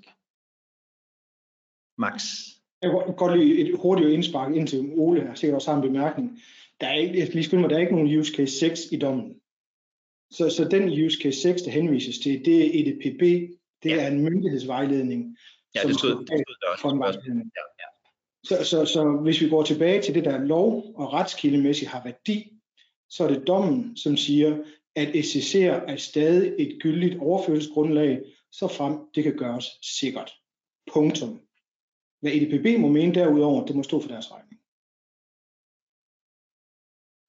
Og vores til øh, oven på det vil vi jo så sige, øh, nej, vi vil på ingen måde bare lave overførsler, som vi gør, det er fjernadgang fra USA blandt andet, øh, bare med standard contractual clauses. Fordi i standard contractual clauses står sandelig også, altså det skal man huske, jeg ved, der er mange, der ikke har læst dem. Altså, der pålægges øh, også som importer i, øh, i modelstandardkontrakterne et, et ret stort ansvar for netop faktisk at have vurderet, kan vi leve op til det, der er aftalen, også når vi laver en overførsel til USA. Altså kan vi stå på mål for europæiske rettigheder? Og det mener vi, vi kan, fordi vi har en lang række sikkerhedspolitikker, kontroller af teknisk og organisatorisk karakter. Øh, så vi er pålagt noget ved de her model. Det er jo ikke bare et stykke papir. Der er noget, vi skal implementere for at kunne leve op til dem. Så øh, når man i dommen taler om supplementary measures, og de udtaler sig specifikt om USA, jamen så er vores holdning klar. Jamen kære venner, dem har vi allerede på plads. En lang række af. Dem er vi med på. Dem kender LPB's jurister ikke. Og det er helt fint. Men, men man skulle måske lige kigge på dem først, og så sige, er der noget oven på det så, at vi som dataansvarlige skal, skal tilføje. Og det kan sagtens være i nogle tilfælde. I langt de fleste tilfælde vil mit udgangspunkt være, det er ikke nødvendigt. Ja, ja. Max. Øh, Henning, og så Max. Kom bare Max, kom bare Max først. Max fik lov. Helt kort. Jeg, jeg, jeg, jeg, vil godt, jeg vil godt advare imod, at, at man, når man læser øh, Schrems 2-dommen, at, at, at man, man lægger, øh, selvfølgelig var, var Privacy Shield ikke tilstrækkeligt, øh, og, og man, mange har sat fokus på overvågningsmyndighederne. Men, men uanset hvilke lande vi eksporterer til, om det er USA, om det er Kina, om det er Singapore, Australien, whatever, du vil aldrig, stort set aldrig kunne gardere dig imod den offentretlige lovgivning, der er i landet. Så vi kan lave alle de krumspring, vi, vi, vi vil i forhold til kontraktsbeskyttelse, for at skrive, at, øh, at importøren ikke må udlevere øh, oplysninger til myndighederne uden forud, øh, forud øh, øh, notifikation osv. Det kan skrive alt det, vi vil, men vi kan bare ikke gardere os imod, at myndighederne øh, i det land har en lovgivning, som gør, at de kan, de kan give dig en, en gag-order, og så kan du gøre noget som helst, og de vil stadigvæk kunne tage øh, dataen, så frem der så fald det er, hører under national sikkerhed. Øh, så, så, så man må ikke, altså, og det, og det er også, når man snakker cloud, så bliver det lige pludselig endnu farligere, og det forstår jeg simpelthen ikke. Øh, men, men, men bare lige den dimension på det. Det var bare lige en lille arbejde. Danmark også, Max, ikke? Den danske åbner også for, at man kan gøre den slags for myndighederne. Lige nøjagtigt. Lige nøjagtigt. Og, og, så, og så bliver det vel interessant, som der også er en øh, faktisk, der, der, der spørger, om det, altså, er det, om det er om, det er, om, om den her offentlige retlige risiko er en sådan rent teoretisk risiko, eller om det er rent faktisk er en praktisk risiko. Hvad, det kan selvfølgelig være svært at helt præcist at vide, hvad den amerikanske efterretningstjeneste og sådan noget gør, men, men er det, øh, Ole, jeg kan se, du vil sige noget om det, er det en teoretisk, eller er det en praktisk risiko? Det er en praktisk risiko. Ja. Den er forsvindende lille. Mm-hmm. Vi, øh, for det første, vi, vi har i mange år øh, offentliggjort, hvad er egentlig processen, når vi får den her slags indvendelser. Jeg kan sige, at vi får dem også i Danmark, og der ryger de forbi mig. Så jeg ved, i hvilket omfang man også for danske myndigheder har det her ønske om at få udleveret data, der for eksempel finder sig i USA. Hvad er processen? Hvordan løber vi den igennem? Hvordan udfordrer vi den? Og alt det der. Det ligger vi frem. Det har vi levet efter alle de år, jeg har været i Microsoft. Øh, og det er mange. Øh, men derudover så offentliggør vi også hver 6. måned rapporter, som giver nogle data, som man giver tal på det her. Ja. hvor mange henvendelser er det egentlig, vi får globalt set. Og jeg kan fortælle jer, at første halvår i 2020, det var den sidste rapport, vi har offentliggjort. I får andet halvår her til april, der kommer vi med andet halvår i 2020. Men i første halvår af 2020, der fik vi globalt 91 henvendelser om udlevering af data, der tilhørte virksomheder. Over halvdelen af dem, dem kunne vi umiddelbart bare afvise, fordi de siger, at de var ikke lovformelige. Øh, mere end 25, jeg tror det var 27 af de af så kunne vi lave det, der hedder en redirect. Det vil sige, det er ikke vores data, og firmaet er tilstrækkeligt stort til, at der er ikke nogen risiko for efterforskningen, så vi smider dem over til, om det er Coop eller hvem søren det nu måtte være. Og så er det Coop, der, der som dataejer selvfølgelig laver beslutningen. Af resten, og det var nogen 20, 22 tror jeg, der endte vi op med i to tilfælde, to tilfælde, at måtte udlevere virksomhedsdata underlagt en gag-order, som, øh, som Max nævnte, altså en, en fortrolighedserklæring. Øh, og det er selvfølgelig, fordi dommerne har vurderet, efterforskning, man er i gang med nu, vil blive kompromitteret, hvis man skal henvende sig direkte til virksomheden, typisk fordi virksomheden er lille. Det er måske et shell-firma for nogen, der laver hvad ved jeg, human trafficking eller et eller andet. Og derfor kan man ikke gå direkte til virksomheden. Så ja, to. Så dermed kan jeg jo sige, at det er praktisk. Det er helt det er sikkert, men det er godt nok minimalt, når man tænker på, hvor mange kunder, og når man kigger på de fleste erhvervskunder i Danmark, så er det, selvom vi har mange SMV'er, så er de fleste af dem af en størrelse, hvor det her redirect-værktøj, selv hvis de skulle blive targetet, det er i forvejen usandsynligt, men så vil redirect jo virke for de her. Enig? Ja, øh, til det sidste, jeg, jeg, I gør et fantastisk stykke arbejde for at kortlægge det her, Ole. Jeg har siddet og kigget på det på et tidspunkt, og det er vældig fint og gennemsigtigt osv., så, øh, så tak for det. Til det første spørgsmål, altså det, der egentlig kom fra spørgeren, så synes jeg, så må jeg sige øh, på, på Max og Ole, jeg synes, I fejrer EDPB øh, lidt, for, lidt for let øh, ned af, af bordet. øh, hvis det er sådan, at der kommer en rekommandation 012020, som ser ud som den udgave, der lå i, øh, i november, øh, så kan det godt være, at det ikke har samme retskildeværdi som en dom. Øh, men ikke desto mindre, så er det jo de regler, der vil blive håndhævet af de nationale datatilsyn rundt omkring i Europa. Og det vil sige, øh, langt de fleste organisationer formodentlig øh, både øh, vil og bør øh, klappe hælene sammen og, øh, og indtil øh, øh retstilstanden ligesom er blevet ændret ved en ny EU-dom, øh, så følge den her, øh, den her rekommandation. Så, så, så jeg synes, at øh, altså, hvis der nu er en case 6 igen, øh, som, som, som siger, at data skal være krypteret hele vejen for cloud-overførsel øh, til tredje land er muligt, så tænker jeg, så må det derfor være den vej, øh, vi bør gå. Øhm, du har fuldstændig, det er ikke fordi, vi vil øh, på nogen måde bare hælde den ned af, af brættet. Øhm, skulle det ske, så har vi en helt ny situation. Ingen tvivl om det. Og uanset det ikke er gældende lov, så vil det blive gældende praksis. Det må vi tage, hvis vi kommer dertil. Øh, derfor hæfter vi os også ved, at en lang række organisationer og også virksomheder har henvendt sig med feedback for netop at gøre EDPB opmærksom på, prøv at høre, kære venner, det her det vil have en enorm omkostning, det vil øh, medføre en enorm kompleksitet og dybt set påvirke Europas konkurrenceevne negativt. Er vi klar til det? Jeg siger ikke, at man så bare skal se stor på sikkerhed, det er jo slet ikke det, vi taler om her, men det er bare at sætte tingene i perspektiv og lade det være risikobaseret. Skulle vi komme dertil, jamen så vil det have enorm, enorm impact ikke bare på vores forretning, på, men på alle mulige organisationer, uanset om de bruger cloud eller ej, hvis de har nogen som helst form for udveksling af persondata. Og det er der godt nok mange, der har, også udenom cloud. Så kommer det her til at blive dyrt. Ja, en, en, en lille kommentar indtil vi, så tager vi det næste spørgsmål, Mark, Er det okay? Jo, jeg, jeg vil sige, Henning, jeg vil egentlig gerne hælde, hælde ned af brættet. Øhm, og, og det er ud fra nogle rets, rets, øh, retsgarantier, fordi virksomheder har faktisk, hvis du læser charter, også en ret til at drive deres virksomhed. Og, og, og går du lige et, et skridt højere op i traktaten, så er et af vores fundamentale principper jo proportionalitet. Øh, så, så hvis øh, EU-kommissionens fine, fine tanker om, omkring et, et, et digitaliseret førende Europa skal give mening, øh, så, så, så synes jeg, det vil, det vil klæde øh, EDPB at følge, øh, hvad der ligger inden for deres mandat, i stedet for at lovgive. Når det er så sagt, så er det selvfølgelig bare min juridiske vurdering, men, og, og det er jo ikke mig, der skal, der, der, mig, der skal tage skraldet, så det er virksomhedens egen vurdering, om de vil udfordre EDPB. Så det med, at man, man bør, Øh, det, det, det synes jeg er meget værdipolitisk lavet øh, udsagn, Henning, og du må slå mig bagefter. Men, men, men, øh, men, men det, det er min holdning til det. Jeg, jeg tror meget på, på at vi skal, vi, vi, vi skal balancere vores rettigheder og forpligtelser, også over for myndigheder. Man skal altid stille sig kritisk over for myndigheder, øh, som, som en god retskaffen øh, virksomhed og borger. Kort bemærkning. Det går med, med social afstand her, så I ikke kommer ryger i tårnet. Øh, det næste jeg tænker heller, at vi skulle drikke et glas portvin og, og, ja, drøfte ja. videre, hvis det endelig var Max. Ved du hvad, så, øh, så, så, så, så, så, så skynder jeg mig også at få en holdning til det. ja, jamen det, det jeg, jeg nævner det også bare, øh, øh, fordi jeg, jeg er også selvfølgelig bekendt med charteret og, og retten til at bedrive virksomhed og, og, og sådan nogle ting her. Jeg synes bare, at, øh, at, man, at, man, at, at de skyder den her øh, rekommendation altså lidt, lidt for meget til side øh, fordi, fordi den vil være helt afgørende for, hvordan vi, vi praktisk kommer til at gebære det også øh, her, herefter. Det, det, det, det er jeg sikker på. Nå. Vi fortæller, at den er øh, så diametralt anderledes end alle de andre, den gældende retstilstand, både for GDPR, domstolen og fra øh, kommissionen. Så derfor er netop proportionalitetsbegrebet super vigtigt at få på, øh, på plads.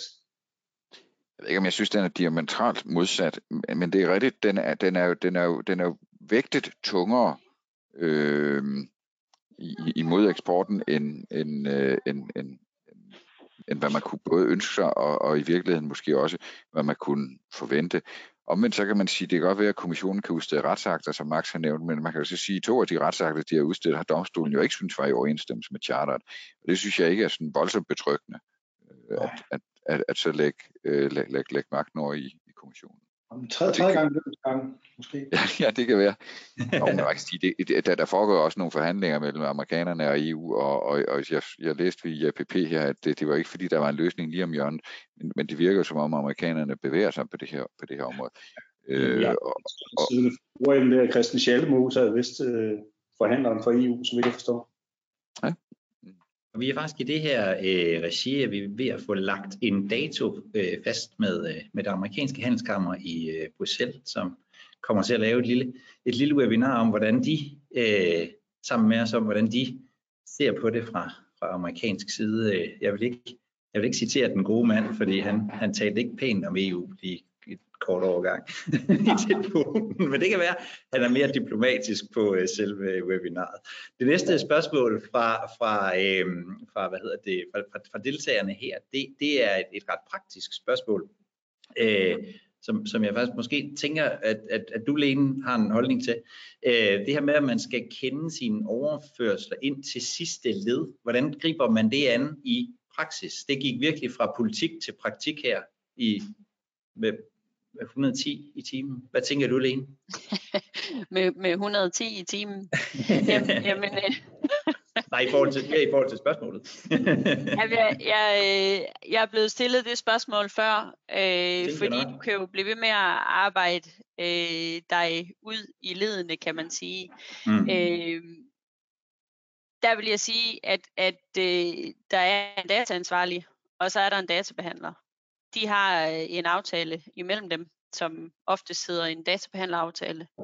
I den der fremgår det, at databehandleren øh, skal have styr på sine øh, underdatabehandlere. Øh, så man kan sige, den vej igennem vil du jo kunne øh, få styr på det og få, få øh, kendskab til, hvor, hvor dine øh, data rører sig hen.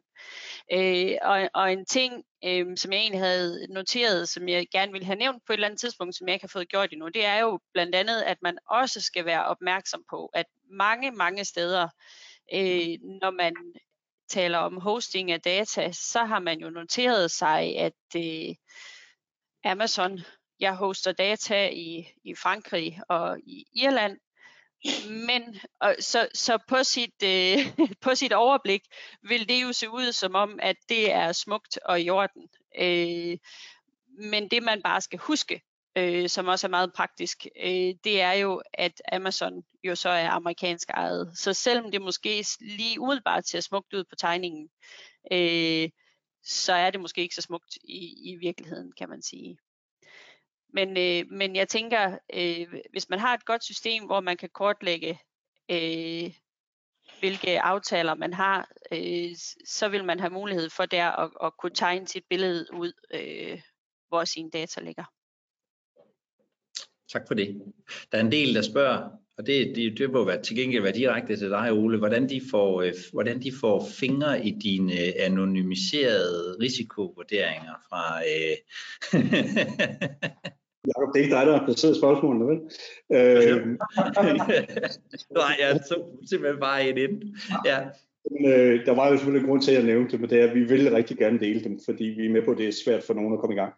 Øh, jeg har delt med Jacob en øh, pdf, som bliver, ja. jeg ved ikke, bliver sendt til alle. Den, eller den, er, den er faktisk, den er, den er blevet sendt til, til de fleste. Vi er jo sådan et, øh, vi er sådan et GDPR-foretagende her, så hvis man ikke har krydset af, at man vil have ting fra, så har man ikke fået dem. Men de fleste har, øh, har fået, øh, har fået dit, øh, har fået dit, dit, dit skriv.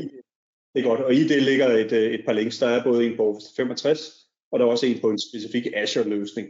Øh, og det er klart, når man tænker Azure, så kan der være alle mulige forskellige udfald der. Der er mere end 300 services, men, men det er faktisk noget med de mest følsomme, altså artikel 9 data, øh, vi har lavet en risikovurdering på. Og hvis ikke man, kan, hvis ikke man har fået pdf'en, så kan man finde mig på LinkedIn, Ole Kelsen. Der er sikkert et par stykker, men kun en i Microsoft, og så skal jeg nok dele den med jer der. Ja. Og vi, øh, vi kommer til øh, på, på, øh, på, på mandag at lægge det her webinar op, øh, og, og der kan, vil vi også kunne kunne, øh, man kunne finde inde på widerelations.com, man kunne finde, øh, så kan man skrive til os ellers og få, øh, og få tilsendt den. Jeg har den, jeg har den også liggende. Så, øh, så er der i hvert fald lidt forskellige muligheder for, øh, for at øh, finde os. Øh, jeg, øh, der er stadigvæk lidt spørgsmål. Øh, dem vil vi har forsøge at få besvaret igen. Prøv at gå ind på, på, øh, på mandag på vores, øh, på vores hjemmeside, så, så prøver vi at, at få besvaret øh, de, de sidste spørgsmål af, af respekt for, at øh, vi alle sammen skal øh, hjem. Øh, Max og Henning skal drikke, skal drikke portvin, og, øh, og vi andre skal, nogen skal se Disney Show, og der var en sjov ballade. Øh, jeg tror, jeg har sådan en fornemmelse af, at det ikke bliver sidste gang, vi kommer til at tale om, øh, om Skræms 2, og har sådan en, i hvert fald en halv aftale med Henning om, om ikke andet, at, at når, øh, når der kommer nyt fra EDB og, og andre, så laver vi nogle, så laver vi nogle hurtige øh, opdateringer, webinarer øh, omkring det her. Øh, så kommer der som sagt et webinar. Det er ikke et, vi har, vi har ikke helt fastlagt endnu, men, men, øh, men jeg er ved at finde en dato med, øh, med det amerikanske handelskammer i, i, i Bruxelles, som, som vil sige noget om, hvordan, hvordan de øh, tænker øh, omkring det.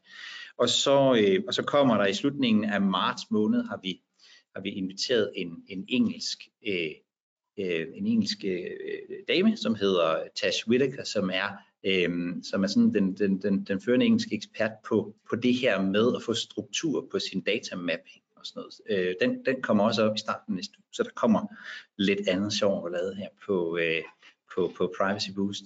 Lige her nu vil jeg sige øh, tusind tak til, øh, til jer for at, at deltage øh, i det her. Hvis der er nogen, der sådan lige skal have øh, sagt det aller sidste, så er det simpelthen nu, og ellers øh, så øh, håber jeg, at øh, I, der sad derude, har, øh, har fået noget ud af og få, fået noget med herfra. Om ikke andet, så kan jeg sådan ligesom forstå, at det handler om at få, øh, få orden på øh, penalhuset, og så, øh, og så sidde på, øh, på hænderne.